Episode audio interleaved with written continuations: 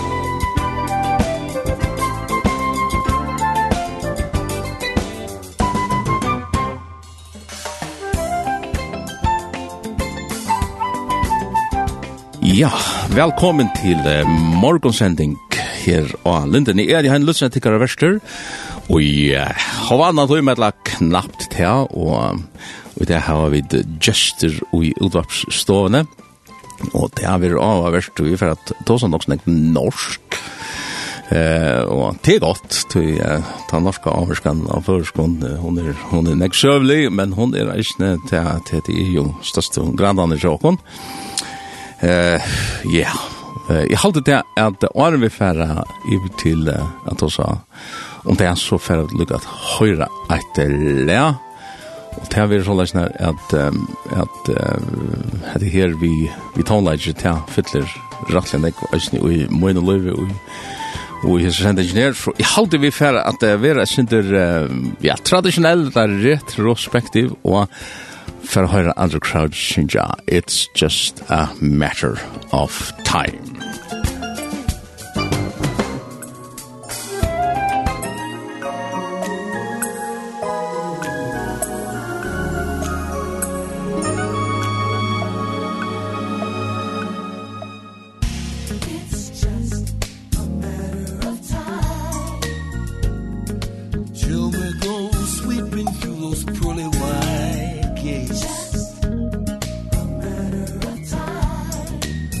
Till I see my master face to face. Watch the twilight, midnight, midnight morning, morning on blue But I know for sure he's coming real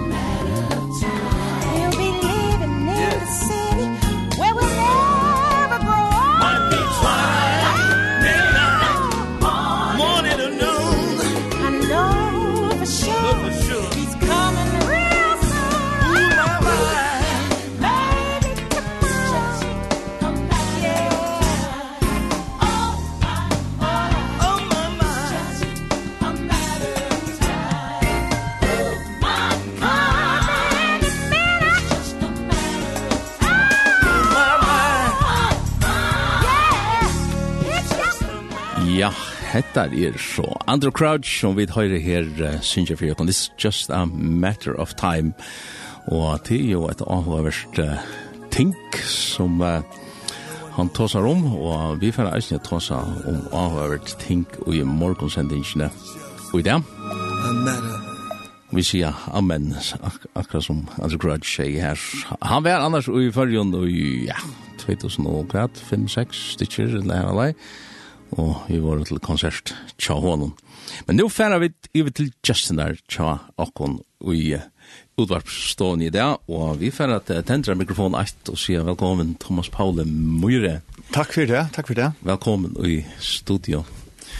Og men det så færa vi ivra snakka norsk, og det er ikke, det er ikke fyrtøyna skilt. Nei, vi, vi tar finnes gjester ur, ur Norge, vi tar finnes Morsten og Annette Aune, Avicjan, Og ta seg vidt, så må jeg K5 og K i Klagsvik. Og her er teiskola vidtjokken, og her var møter, og undervis åkken. Og så får jeg smølingen vise dem førre. Så, og førre ikke sier at her vekker vi ser godt i sørstene, og han lå godt vever til kommende igjen her, så så vi er spent på at uh, vise dem førre. Så vi vise dem til pinnen, så innan? Det er Atlan, yes. Yeah. Det, det, det är flott. Ja. Det är flott som, som, som där sker. Ja, ja. To, hver hur du, uh, hur ser du kommer samband i hessfallsene? Det är så det är att um, vi bor i uh, norra i Tujärskön 2009 till 2023. Eh, tar jag flott hem uh, för några månader sedan. Og ta meste tøyna vi bor i norra, ta kommer vi ut i uh, kyrkene her i Annette og Morsten er pastor Per. Och kvar är utsatt. Ta er vid stöd i Oslo området. Alltså okay. på såna för Oslo ta i det Sandviga ah. som är en förstad till Oslo. Och Og, og vi var øyelig vel møtigen, altså Marsta eh, og jeg og tre og uh, vi faktisk begynte å gjenge det var også at jeg hadde et badnakjør, som kallet seg BIT. Og, og vi tar ikke hårst om det badnakjøret, og vi tar bad som damer vel av Sintja, og Og det var simpelthen det som fikk åkne at det blir ganger, og vi var ulla med utidgen, og, og tar man vær her, så var vi aktiv, med den også la Sintja, og Marstad da Seama, så vi var aktiv i Sanchnon, og sundagsskolearbeidet, og kom kjenne en god folk, og finne gode viner, og kom kjenne vel Annette og Morten, og som sagt, finne øl og negv gott på sjur tog, og, og stod jeg da særlig gledelig at de kunne komme vidt åkken nå i fargen, og og K5 tenker med å ta med en åpne armen, og det er vi dødelig for. Det er godt, ja. Og tid her også en, en, en skra, en plan, kanskje for Hesavitsjana, i husker i samband vi, vi møter, og kommer til at, at Lotheka. Ja, nemlig, ja. Det er sånn at vi tar ungdomsmøte i K5 uh, frutjakvald, og, um, og så nå frutjakvald tar han nødgjende, ta kommer til å ha ungdomsmøte i K5 klokka han nødgjengkvaldet, det helt det var sånn sånt, men vi får en gravid, og nå vakna sånn sånt, men så vi tenkte at ta klokka nødje, ta kommer til at uh, tala, og Marsten kommer så tala under evnen om Jesus alt løyve, mm. og, uh, det er en som mine sier, han fra hava samme evne i Østene uh, sunnekvalde, ta han kommer til tala sunnekvalde klokka seks, og ta kommer til så bæg at Sintja og, og tala. Eh Annette Morsen, det kommer så Sintja, bæg det døde, eller vel, Sintja, og Morsen han er en helt troubadorer av og, og tagent nå. Så, så det er så frutja kvalitet, eh och och sån där och så kommer man også här av en av uh, morgen den här vi kommer att ta såna några ting jag nu. Vad flott, ja. Och det är alltså är, är det näka vi, så det det är unga möte og langdansmøte, men, men det som är sån det klockan 6 är det et allment møte til Lagosja?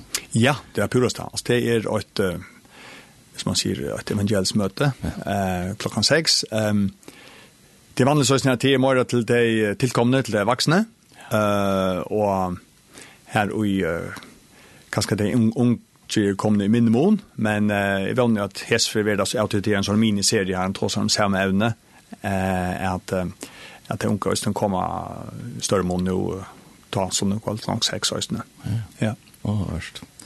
Det er visst, og ja, at det var en, en go og grei innledning if for å der vi er to er faktisk arbeids bare nu et eller annet du, nå fer jeg jeg skjedde at jeg vil arbeid her i forjon ja. så nå fer jeg Nya att i Bank Nordic säger du. Yes, så yeah. för för arbets ja. Så men men stora stora tack för henne att vi kan komma gott här bort. Så det ordnar plus på och och att man så fart och gott prat vi vi vi Morten. Vi får få och vi får ända höra sin att som tag här var okkur gott gammalt som det eisen jeg var gjørst og givet ut. Og, nämligen Så ta kunde vi kanskje kan ferdig og, og gjørst meg nå, men jeg får si at her, tusen takk for de smaler at, uh, at du kom fra Bøy, så for at uh, spille dette her leie som heter La vår lovsang stige.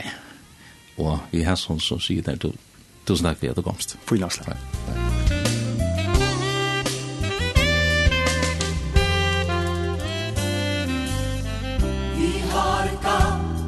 som kom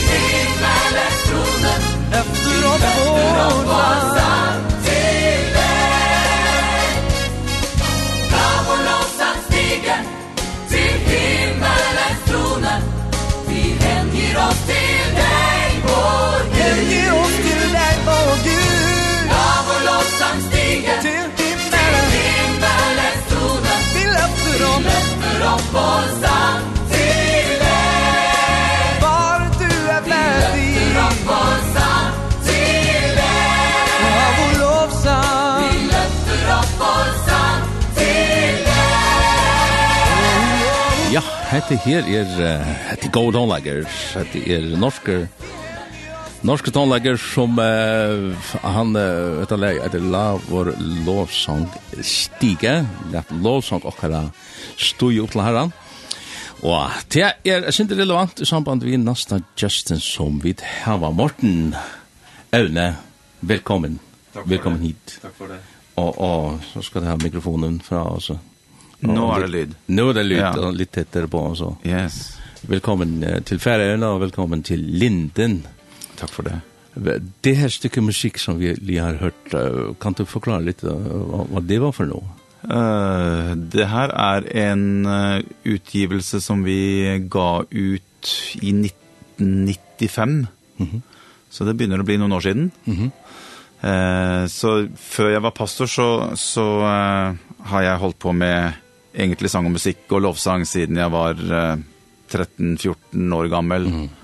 Så det har egentlig vært det som har vært ja, stort sett det jeg har holdt på med.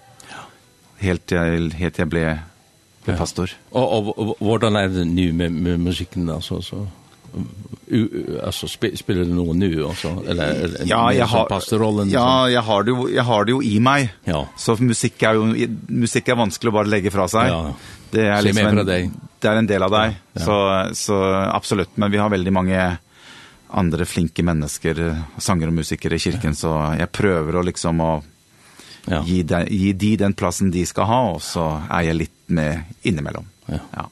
Så så så de driver med en en en kirke i i i Oslo, alltså mm. i syd syd för Oslo mm. och, og, du är pastor sammen med Annette, din din fru. Mm.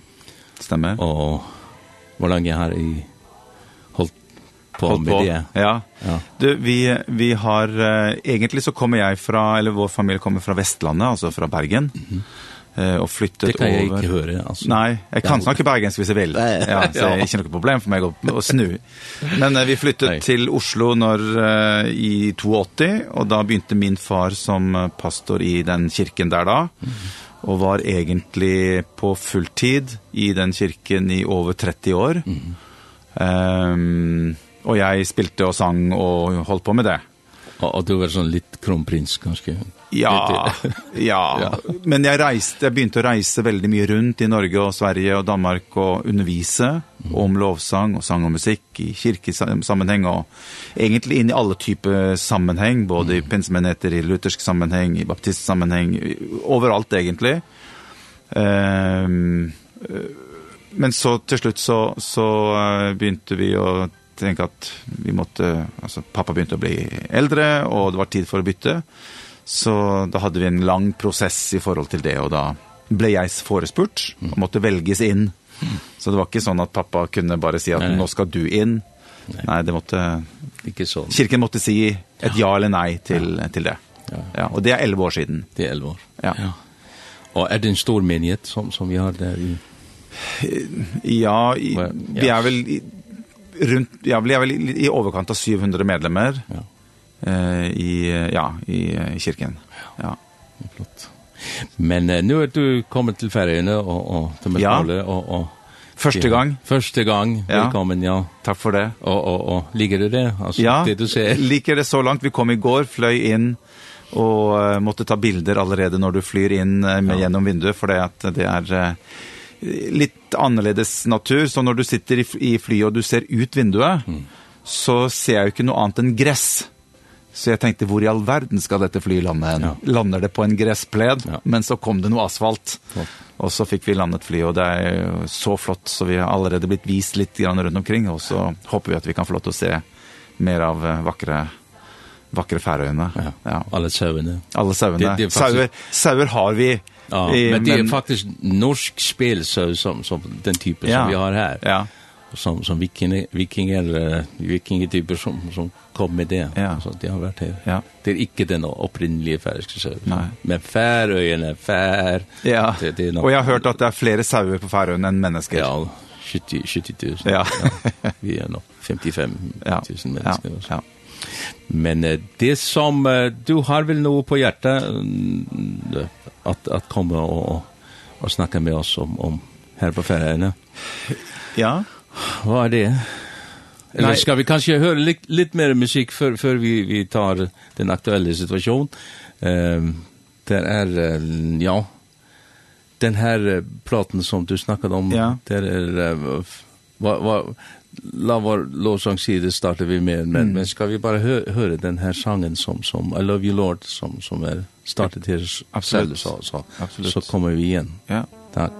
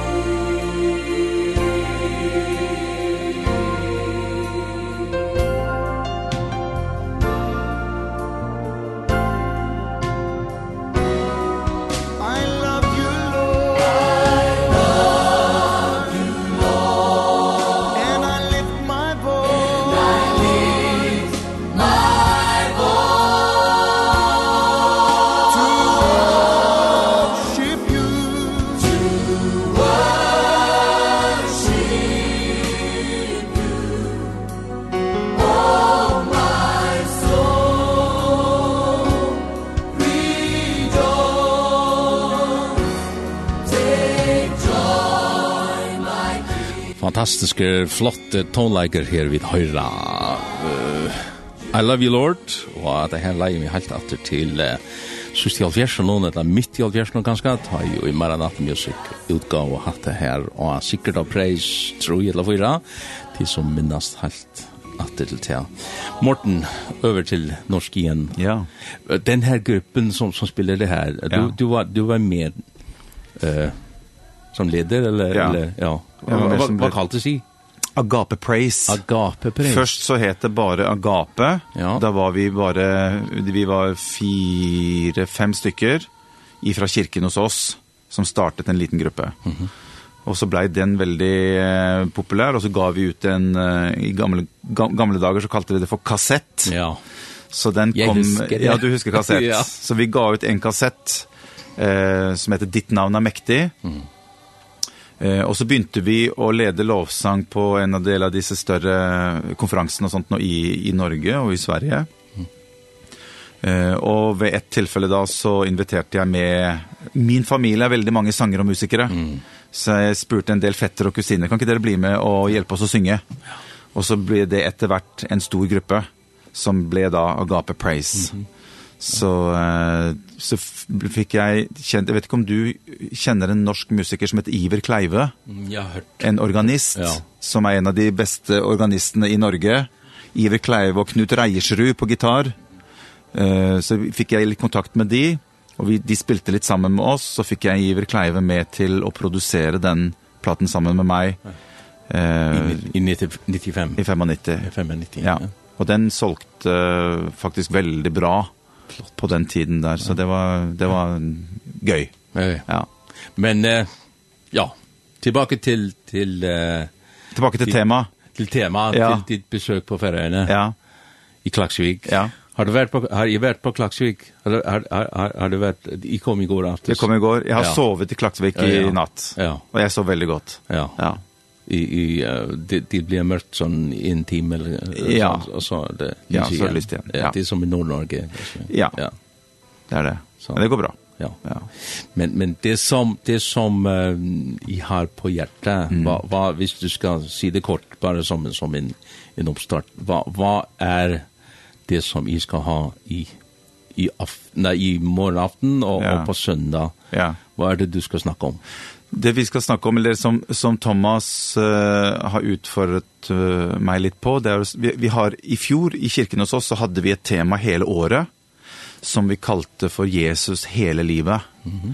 Eh uh, och det blev egentligen kom lite upp i mitt hjerte den sommaren för om att jag ser någon gånger att väldigt många människor mister tron sin underveis i livet.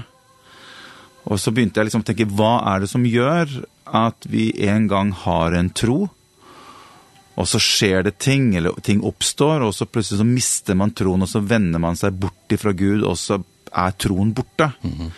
eh, og det var da vi satte i gang det temaet som vi kalte for Jesus hele livet, nettopp fordi at jeg tror det går an å ha en tro som varer igjennom hele livet, mm -hmm. uansett hva livet eh, møter på. Så det er litt det vi har på hjertet. Hvordan kan vi få en tro, hvordan kan vi leve et Jesusliv som gjør at dette er noe som følger med meg hele livet, mm -hmm. i stedet for at det er noe jeg har enten som söndagsskola eller det, det är väl, väl en dubbel betydning i det att att att det är hela livet som livet varar men men också det fyller hela livet. Absolut. Ja. Det det hänger absolut. hänger kanske samman. Ja, det hänger absolut samman. Ja. ja. Så det är lite det som vi ligger på hjärtat så vi skal dela lite på på ungdomsmøtet i morgon och så på lite på söndag. Ja. ja och att du, du gör det som som bibeltimme eller eller alltså vi får se. Ja. Ja. Som, som, som. Det är lite vanskelig att ta ett helt år och dela allt på ja. på ja. på en halvtimme. Det är highlights. Ja. ja. Så men det blir jo på en måte att och kanske zooma lite ut och se lite grann på vad är det som gör att tron faller bort någon gånger och hur kan vi hur kan vi på en måte förhålla oss till Gud? som gjør at Gud ikke blir en Gud som Hvis ikke jeg får Gud som jeg vil, så vender jeg Gud ryggen. Mm. Altså at Gud blir en, nesten som en type bestillingsmaskin. Ja. Og hvis ikke han følger opp min, ja. min tankegang om hvem han skal være, så vil jeg ikke ha noe med han å gjøre. Er, er, det noe kulturelt, tror du, i, i, i, i samhället som, som i samfunnet som, som vi lever i? Hva er, hva er grunnen? Eller, eller man kan spørre, er det noe nytt? Nej, jag tror inte det är något nytt. Nej. Men det, det, det kan vara en, det har alltid varit sån men det är en en kanske en, en starkare utveckling efter vart mm -hmm. att fler och fler vänder sig bort. Eh och är det något vi gör som kyrka som gör att vi ändrar ut med att många efter vart finner ut att de de vill inte vara med längre och varför det? Så jag ställer någon frågor. Ja. Både in, inad, vad kan vi göra som kyrka? Är det något vi undervisar? Är det något vi är som kyrka?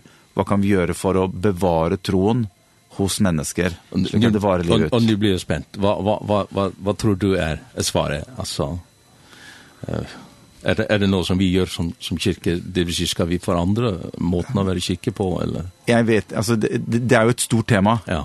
Og det berører veldig mange deler av livet vårt. Ja. Så, så jeg tror nok noe går på hva vi gjør som kirke, hva vi gjør i forkynnelsen vår, og hvilke perspektiver vi som enkeltindivid har på hvordan Gud skal være for meg. Mm.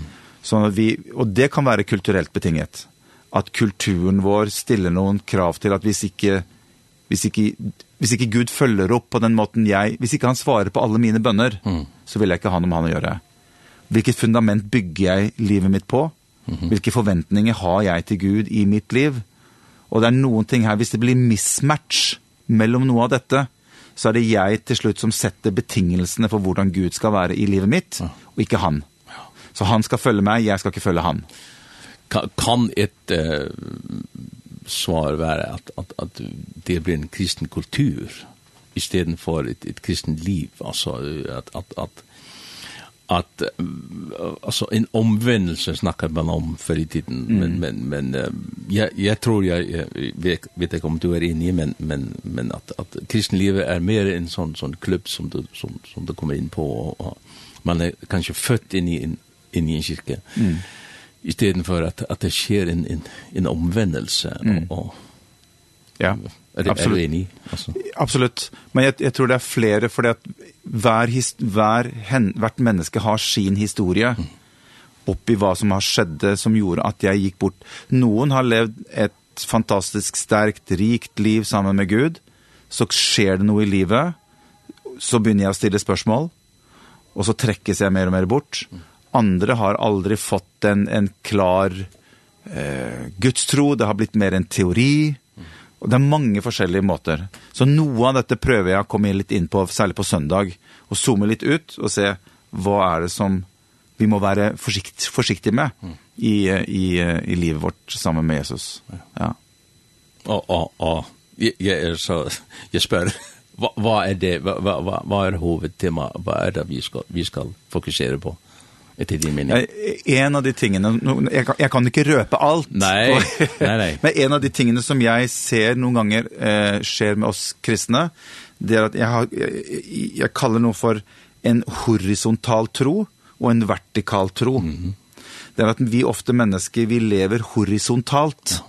Det er at jeg tror på det, og jeg tror på det, og jeg holder på med det, og holder på med det, og så har jeg Jesus. Mm.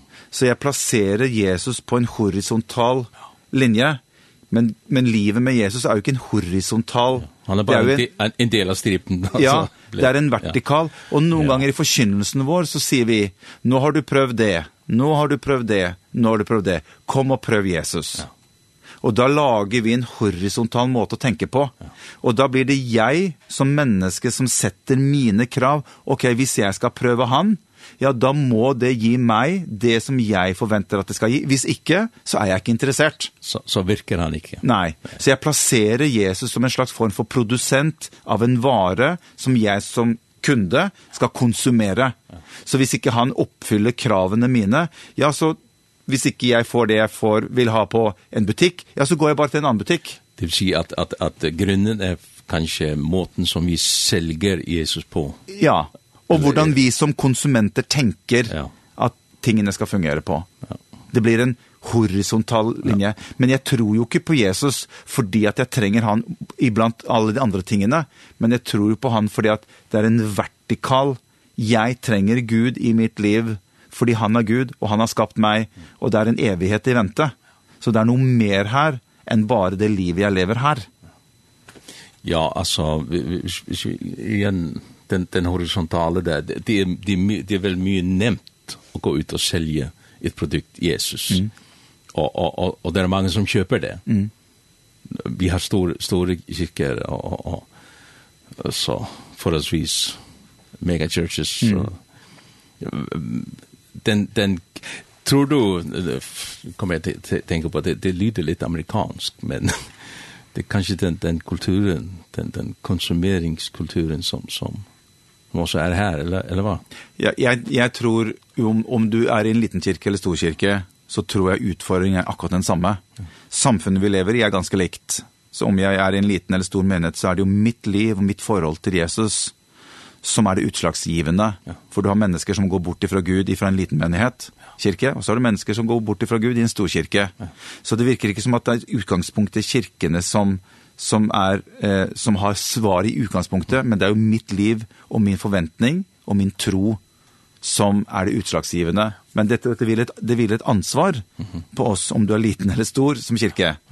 Å forkynne et budskap som gjør at vi, vi drar med oss livet inn i troen på Gud, og at Gud er ikke en Gud er ikke en bestillingsmaskin som gjør at hvis jeg bare legger på rett mynt, så får jeg bare ut akkurat det jeg vil ha. Mm det er noe mye større og mye dypere og mye bredere enn det.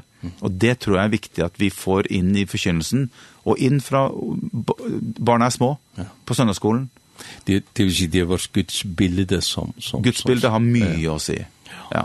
Vi, vi, skal, vi skal ta litt mer om det, men, men jeg har lyst til å høre en, en, en sang til.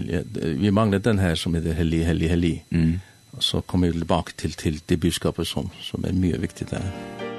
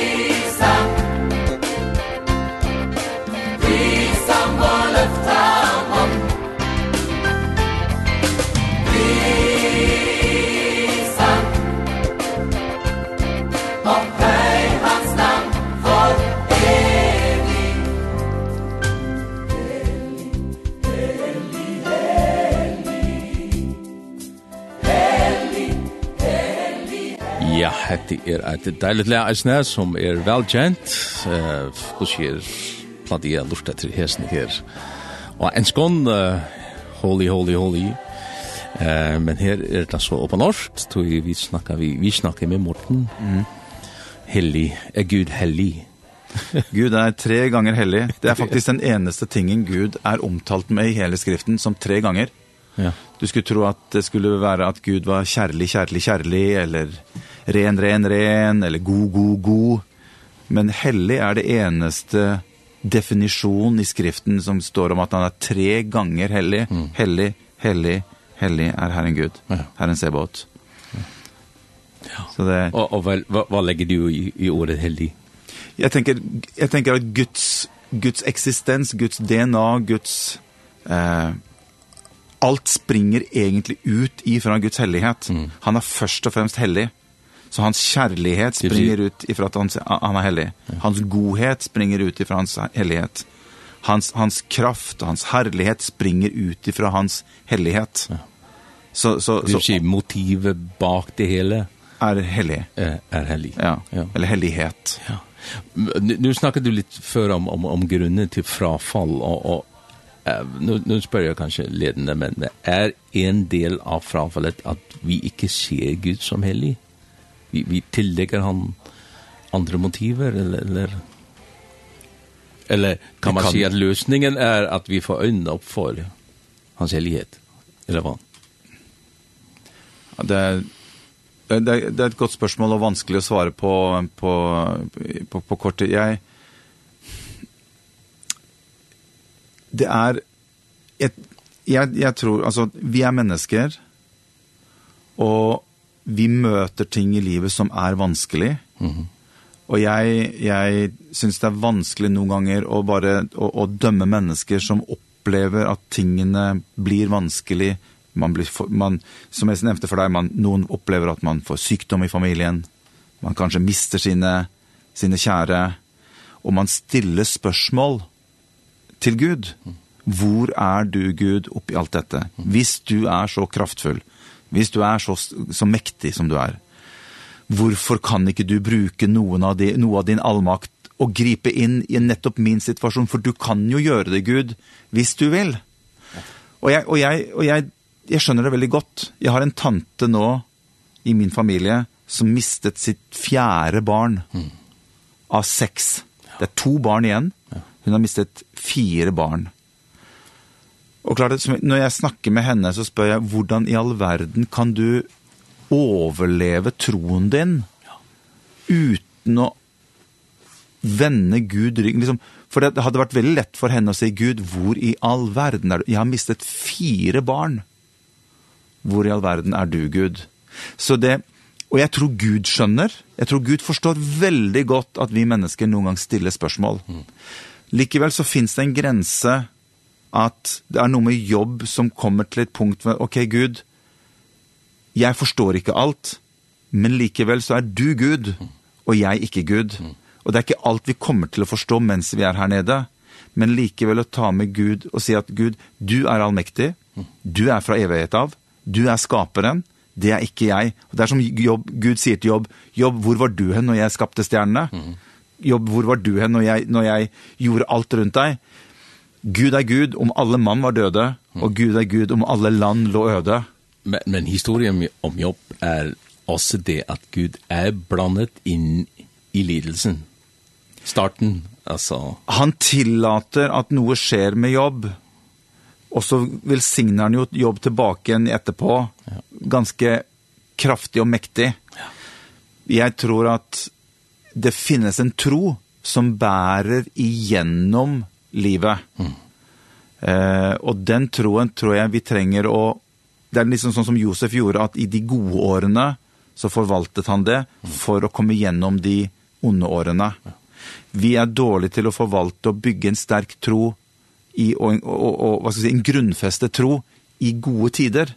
Så når vi møter vanskelige tider, så tror vi nästan inte att Gud finns längre. Så så det är din uppgave som som pastor och, och, och det var så uppgift som som kyrka, som kyrka. Och som ja. mellanmänniskor. Ja. Någon gång så tränger jag att du bärer mig. Ja. Bibeln snackar snackar om att den starka är skyldig till att bära den svake. Mm. Och det är ju nettop det som fällskapet bland troende ska vara med på. Ja. Det är ju för att hjälpa varandra och stötta varandra i tider hvor som är vanskliga och utmanande. Ja. ja.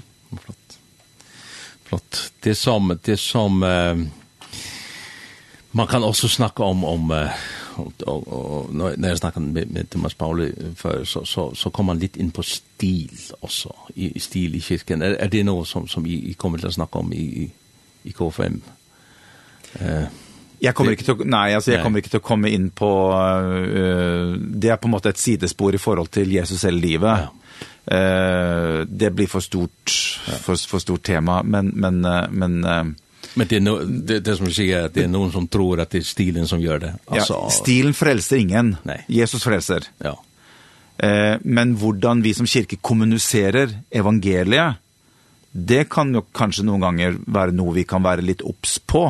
Hvordan formidler jeg evangeliet mm -hmm. i den tiden vi lever i dag? Uh, og, og ja, noen ganger så kanskje tenker jeg at vi blir mer trofast mot tradisjon enn trofast mot ordet og forkynnelsen, mm. og faktisk nå frem med et budskap. Det er jo litt derfor du har en radiokanal. Ja. Det er jo for å kanskje nå ut til noen. Ja. Man kunne jo sagt, nei, radio skal vi ikke ha. Nei, nei men da mister vi den muligheten til å... Ja. Så, så det å tenke hvordan man kommuniserer generelt sett, mm -hmm. har jo opp gjennom hele historien fra de gamle grekerne vært viktig i forhold til å få fram et budskap. Ikke at du kompromisser på budskapet Nei. i seg selv. Det er bare måten. som Måten det, det, det formidles på. Ja. Ja, ja, nej, nej, det, det är ju cirkel som, som, som ramlar, som, som går i stycke bara på grund av diskussionen om, om, Absolut. om måten. Absolut. måten det ja, ja, ja. Och det tror jag vi alla har varit borti. Ja. Det, I förhållande till stil. Och, men jag, som jag sagt, stil har väldigt mycket med kultur att göra. Ja noen liker det, og noen liker det. Samtidig så tror jeg at det samfunnet vi er en del av, vil måtte være med på, ikke kompromisse budskapet, men være med å gjøre oss observange på hvordan formidler vi Kristi budskap i, det, i den sammenheng som vi er i dag, anno 2023.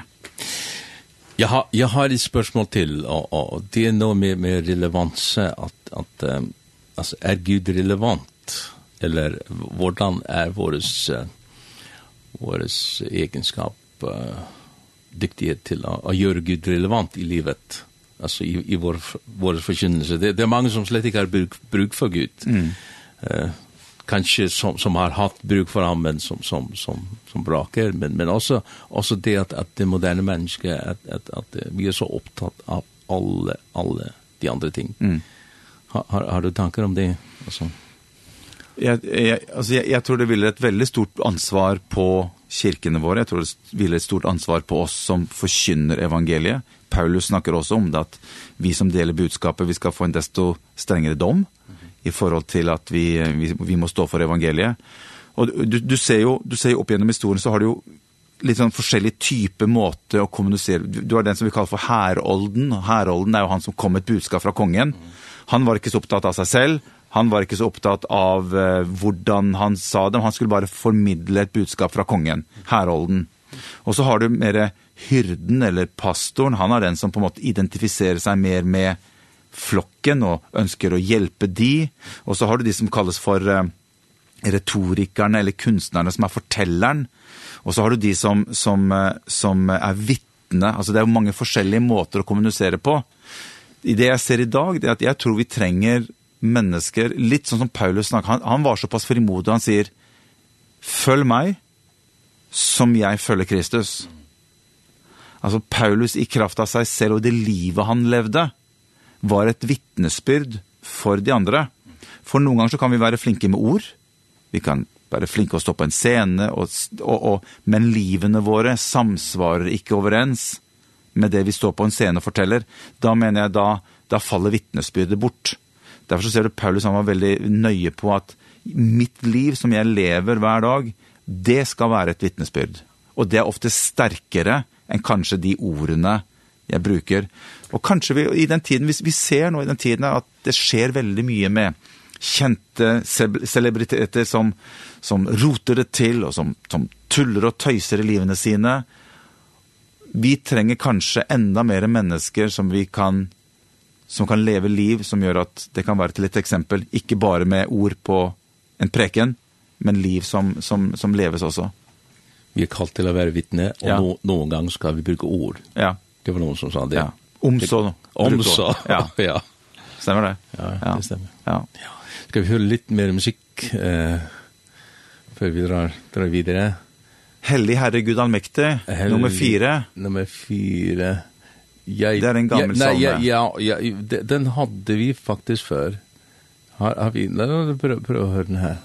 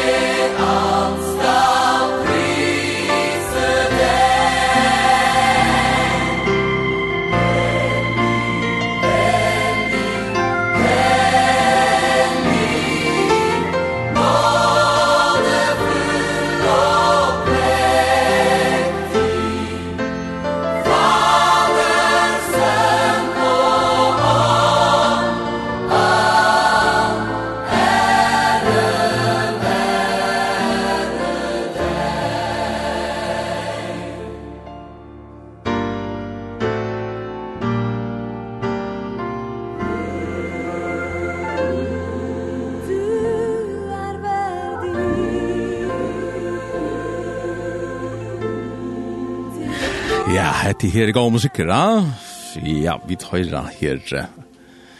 Uh, Justin Jokum faktisk, som uh, er i studion, som uh, er djupt innblandar i hese her uh, Ugana. Og nå får vi snakka syndrom om hver er vi og i og hver er vi gjør snakka. Og her er en avhørende med som heter Ivar Kleive, som uh, en, en avhørende, kan man säga, Normauer som uh, spelar uh, Øljan Nikvan gav musikk ur, i kirkelig kulturveksted.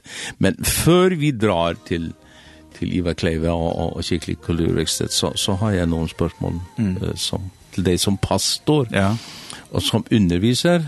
Uh, det er vel det som, som du gjør mest som, som du mm Ja, hvordan ser du din rolle som, som pastor? Er, er, du, er du hyrde for, for, for, for er, er det sjelesorg mest, eller, eller er det undervisning? Eller?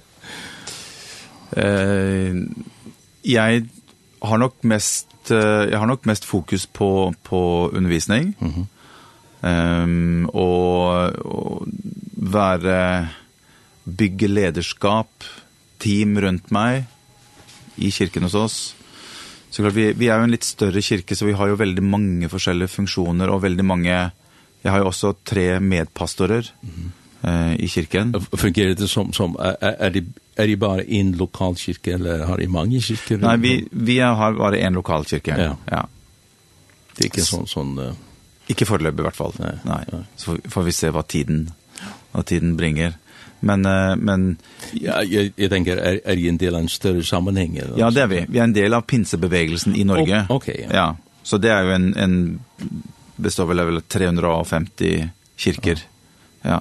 Så jag är ju då utgångspunkt pastor i i i vår kyrka och så är jag är jag regionsleder för Oslo Akershus som består av 40 45 menigheter mm. eller kyrkor i og och och vårt land ser det pins i kicken idag som jeg som utenforstående litt utenforstående så så så så är det shit någon förändring ja. i, i pins i kicken sån generellt det är stört evne också men, men ja kanskje ja. jag har lite eh, eh både och eh det er nok lite sån i, i vår bevegelse att eh, någon kirker har på si, evner och kanske förnya sig noe mer än en andra. Eh, Och den kirken som jag är pastor i, vi har nog har nog på en måte greid å gjøre en, en, en forandring eller en fornyelse, ikke i forhold til budskapet, men kanskje i forhold til, til uttrykk, hvilket uttrykk vi har når noen kommer til gudstjenesten hos oss. Og det har vi nok vært veldig bevisst på, at, at vi, vi har nok ønsket at de som er kanskje unge voksne, skal føle at det er en, en relevant gudstjeneste, mm som gör att visst de tar med seg en nabo eller en vän eller så så blir det inte kulturschock å komma in i i kyrkan. Eh så så vi har en väldigt sån type ja relevant gudstjenesteform. Men vi har vi har flera forskjellige typer gudstjenester. Så en den gudstjenesten vi har på en søndag formiddag kan være en form, og så kan vi ha andre typer gudstjenester gudstjenester som har en litt annen type form. Det er litt, litt forskjellig. Ja. Men alltså i, for, i, i forhold til kanskje vekkelsen som var i 70, 70 årene eller, eller sånn, så, så, så er det forandret vel mye. Ja, men hvis du reiser litt ut på landsbygden, for eksempel i, i Norge, i, men, i kirker der, så vil du nok kanskje oppleve at man henger kanskje litt igjen ja. i forhold til utvikling, eller ja, så ja. Sangvalg. Og... Sangvalg, måter å gjøre ting på, og så videre, og så videre. Ja. Så, ja da. Um, ja, vi, vi, vi er nesten kommet rundt om, om det som vi, jeg tenkte vi, vi skulle komme rundt på. Ja. Bare minne på at, at det er i Klaksvik det skjer, i helga, ja. i morgen, er det, er det så, så, og ungdoms, så for de unge, eller, eller ja. hvordan Jeg tror det er ungdomsmøte i morgen ja. Ja. klokken ni. Her har de sene, ja, klokken... sene gudstjenester. Ja. Da pleier jeg som regel å gå og legge meg klokken ni. Natteravner. Men det, det, det, det, de unge går ut. Og, ja, det gjør det. I stedet for å gå i byen, så, ja. så, så, ja. så, så tar de Men jeg, jeg, har, jeg liker veldig godt å være sammen med de, de unge. Ja. Og det gjør jeg også i kirken hos oss. Så jeg er alltid fast en gang i måneden mm -hmm. på vårt i vårt ungdomsmiljø, og setter veldig pris på det, for jeg, det er den generasjonen som kommer opp. Så jeg, jeg ønsker å ha mye fokus ned mot den generasjonen som skal ta over etterpå. For hvis vi, hvis vi ikke får de med, ja, så, så ender det jo, da slutter du av med meg da. Det skal bare en generasjon til. En generasjon til, så er det over. Så er det over. Ja. ja. Så det är viktigt. Det, det som länker, alltså det det det som det det som som led i länkar alltså ja. det bara det det svagaste ledet som, som, som ja. springer. Ja. Ja, det är flott. Mm. Men när, när vi har, vi har alltid, alltid ett spørsmål till här på ferierna så tror jag vi ser en utveckling att, att man, man tänker mindre och mindre på vad som står över dörren på mm. det huset man samlas i. Mm. Uh, är, är det sånn i Norge också? Ja, jag tror vi mer och mer upplever att vad ska jag säga si, kyrkeetiketterna våra försvinner lite mer och mer. Mm. Eh och att man kanske mer och mer koncentrerar sig om det som man är enig i. Mm -hmm. For det vil alltid være noe man er uenig i. Men hvis det er det som driver oss, det vi er uenig i, så vil vi stoppe opp Men det å kunne, kunne samles om det man er enig i, og det gjør jo at man kan åpne opp dørene litt, grann, og heller kunne lære å leve sammen, og være sammen, dele fellesskap. Og jeg tror det styrker fellesskapet mye mer på langsiktighet enn å alltid skal være på veldig på vakt. Er du en av de, eller er du en av de, eller er du en av de? Hvilken etikett har du på deg? For det, en dag når vi kommer til himmelen en gang, så, så blir det ikke noen etiketter der oppe. Mm Så vi kanske vi ska lära oss lite men, och... men det kommer till att låta mycket i himlen alltså. Va?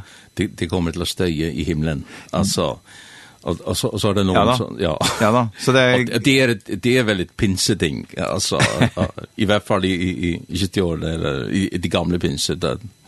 Ja då. Ja. Ja. Så så så man blir kanske nöjd till att dämpa sig lite for å... Ja, men jeg, jeg, jeg tror når vi kommer til himmelen en gang, så, skal det, så, blir det, så blir det Herren selv som kommer til å sette kulturen, og ikke vi. Nei. Ja. Så det tror jeg blir veldig bra. Ja. ja. Men, men tror du man mister noe av, av den gamle pinsebevegelse om for å, å prøve å, å arbeide med, å jobbe med, med, med alle? Altså... Nei, jeg tror ikke det. Nei. Jeg tror det, det er, jeg, altså, skriften og Guds ord og den hellige ånd og ånden i dette her, det er jo den samme. Mm -hmm. eh, men hvordan vi formidler og hvordan vi forvalter det, det, jeg tror Gud er rikere enn vår tradisjon og vår måte å gjøre det på. Jeg tror han, han er absolutt i stand til å kunne både berøre neste generasjon, velsigne dagens generasjon og den eldre generasjon i samme kirke. Så, så eh, Nei, jeg tror, jeg tror det er uh, fullt mulig. Mm -hmm. ja. Men hvis vi tenker på, på Apostlenes gjerningene 2, mm. uttrycket der, mm. det er neppe godtatt i Ja, det ikke. Nei, det er det ikke. Nei. Men jeg, altså, vi har jo fellesskap med de som kanskje ikke teologisk kanskje er enig akkurat med det. Mm. Ikke sant? Du har barnedåp, du har voksendåp, og så kan vi være veldig sånn at da kan vi ikke være sammen fordi vi mener forskjellig om sånn og sånn. Da tenker jeg at da må vi finne kanskje mer hva er vi enige om? Hva er det essensielle? Jo, det essensielle det er at Jesus kom til jorden. Det essensielle er at han døde på et kors, tok alle menneskers synd og skyld på seg, at vi blir frelst ved han, og at vi en gang skal få lov til å komme til han i evighet. Det er jo på en måte utgangspunktet, og så er det jo ting på utsiden av det som egentlig er litt mindre essensielt enn kjernen i evangeliet, som er korsets budskap. Mens hvis, men hvis vi plukker ut ting som er litt i utekant, og at hvis ikke vi er enige i alle ting, så kan vi ikke dele fellesskap, da tror jeg vi ødelegger noe i fellesskapet vårt som, som, ja, som vi skal være litt opps på. kan være farlig. Et, et spørsmål til. Nu nevnte du korsets budskap. Nu ja. skal du få en oppgave, en ja. oppgift fra mig förklar korsets budskap i det skal. Ja. Klarer du det? Korsets budskap, det er at det som jeg som menneske ikke fikk til i egen kraft, min egen rettferdighet som jeg kanskje noen ganger prøver å få til for å bli akseptert for, fra Gud, det kom Jesus og gjorde gjennom korset. Den skylden som jeg skyldte til Gud, den kom han og betalte gjennom å dø på et kors. Sånn at den plassen jeg egentlig skulle ha ved å dø, fordi at jeg hadde gjort galt, den kom Jesus inn, så sier han, Morten, jeg kan ta din skyld, og jeg kan ta din straff, så tar jeg den på meg selv. Og så når Jesus da døde på korset, og tar min synd og min skyld på seg, så sier han etterpå han har stått opp inn fra det døde, sier han, Morten, nå kan du få ta min rettferdighet, så tar jeg din urettferdighet. Så han gjør et bytte med meg. Så han tar og vad ska jag säga, han tar och implanterar sin rättfärdighet och bytter den med min urettferdighet, så att korsets budskap kan få lov til å bli en verklighet i mitt liv. Och när vi snackar om hellighet och Guds hellighet så så så är det den måten som vi vi kan bli heliga också. Mm. Alltså genom genom det att han är helig. Ja. Jag är helig fordi han är helig. Ja. Jag har ikke noe helighet i mig själv. Han är helig. Ja. Han er rettferdig. Jeg har ikke noe egen rettferdighet. Han er rettferdig. Ja. Men jeg kan få ta del om dere blir i meg, og jeg kan få lov til å bli i dere. Da. Du sier vi skal, vi skal være i ham. Ja. ja. Så kan vi spørre, hva betyr det? ja. Da får vi ta en bibeltime da. Ja, ja. ja. ja, sånn er jeg. Jeg kommer alltid ja. tanke om et, et nytt spørsmål. Men uh, Morten, jeg, jeg vil bare takke deg for at, at, at vi kunne bruke Gjøres tid ja. uh, her i, i, i Linden mm -hmm. her i morgen, og vi skal høre litt, litt mer musikk, og, og, og så bare minne på at uh, det er altså i morgen fredag, at det er ungdomsmøte klokken ni, og så igjen søndag aften. Var det klokken seks?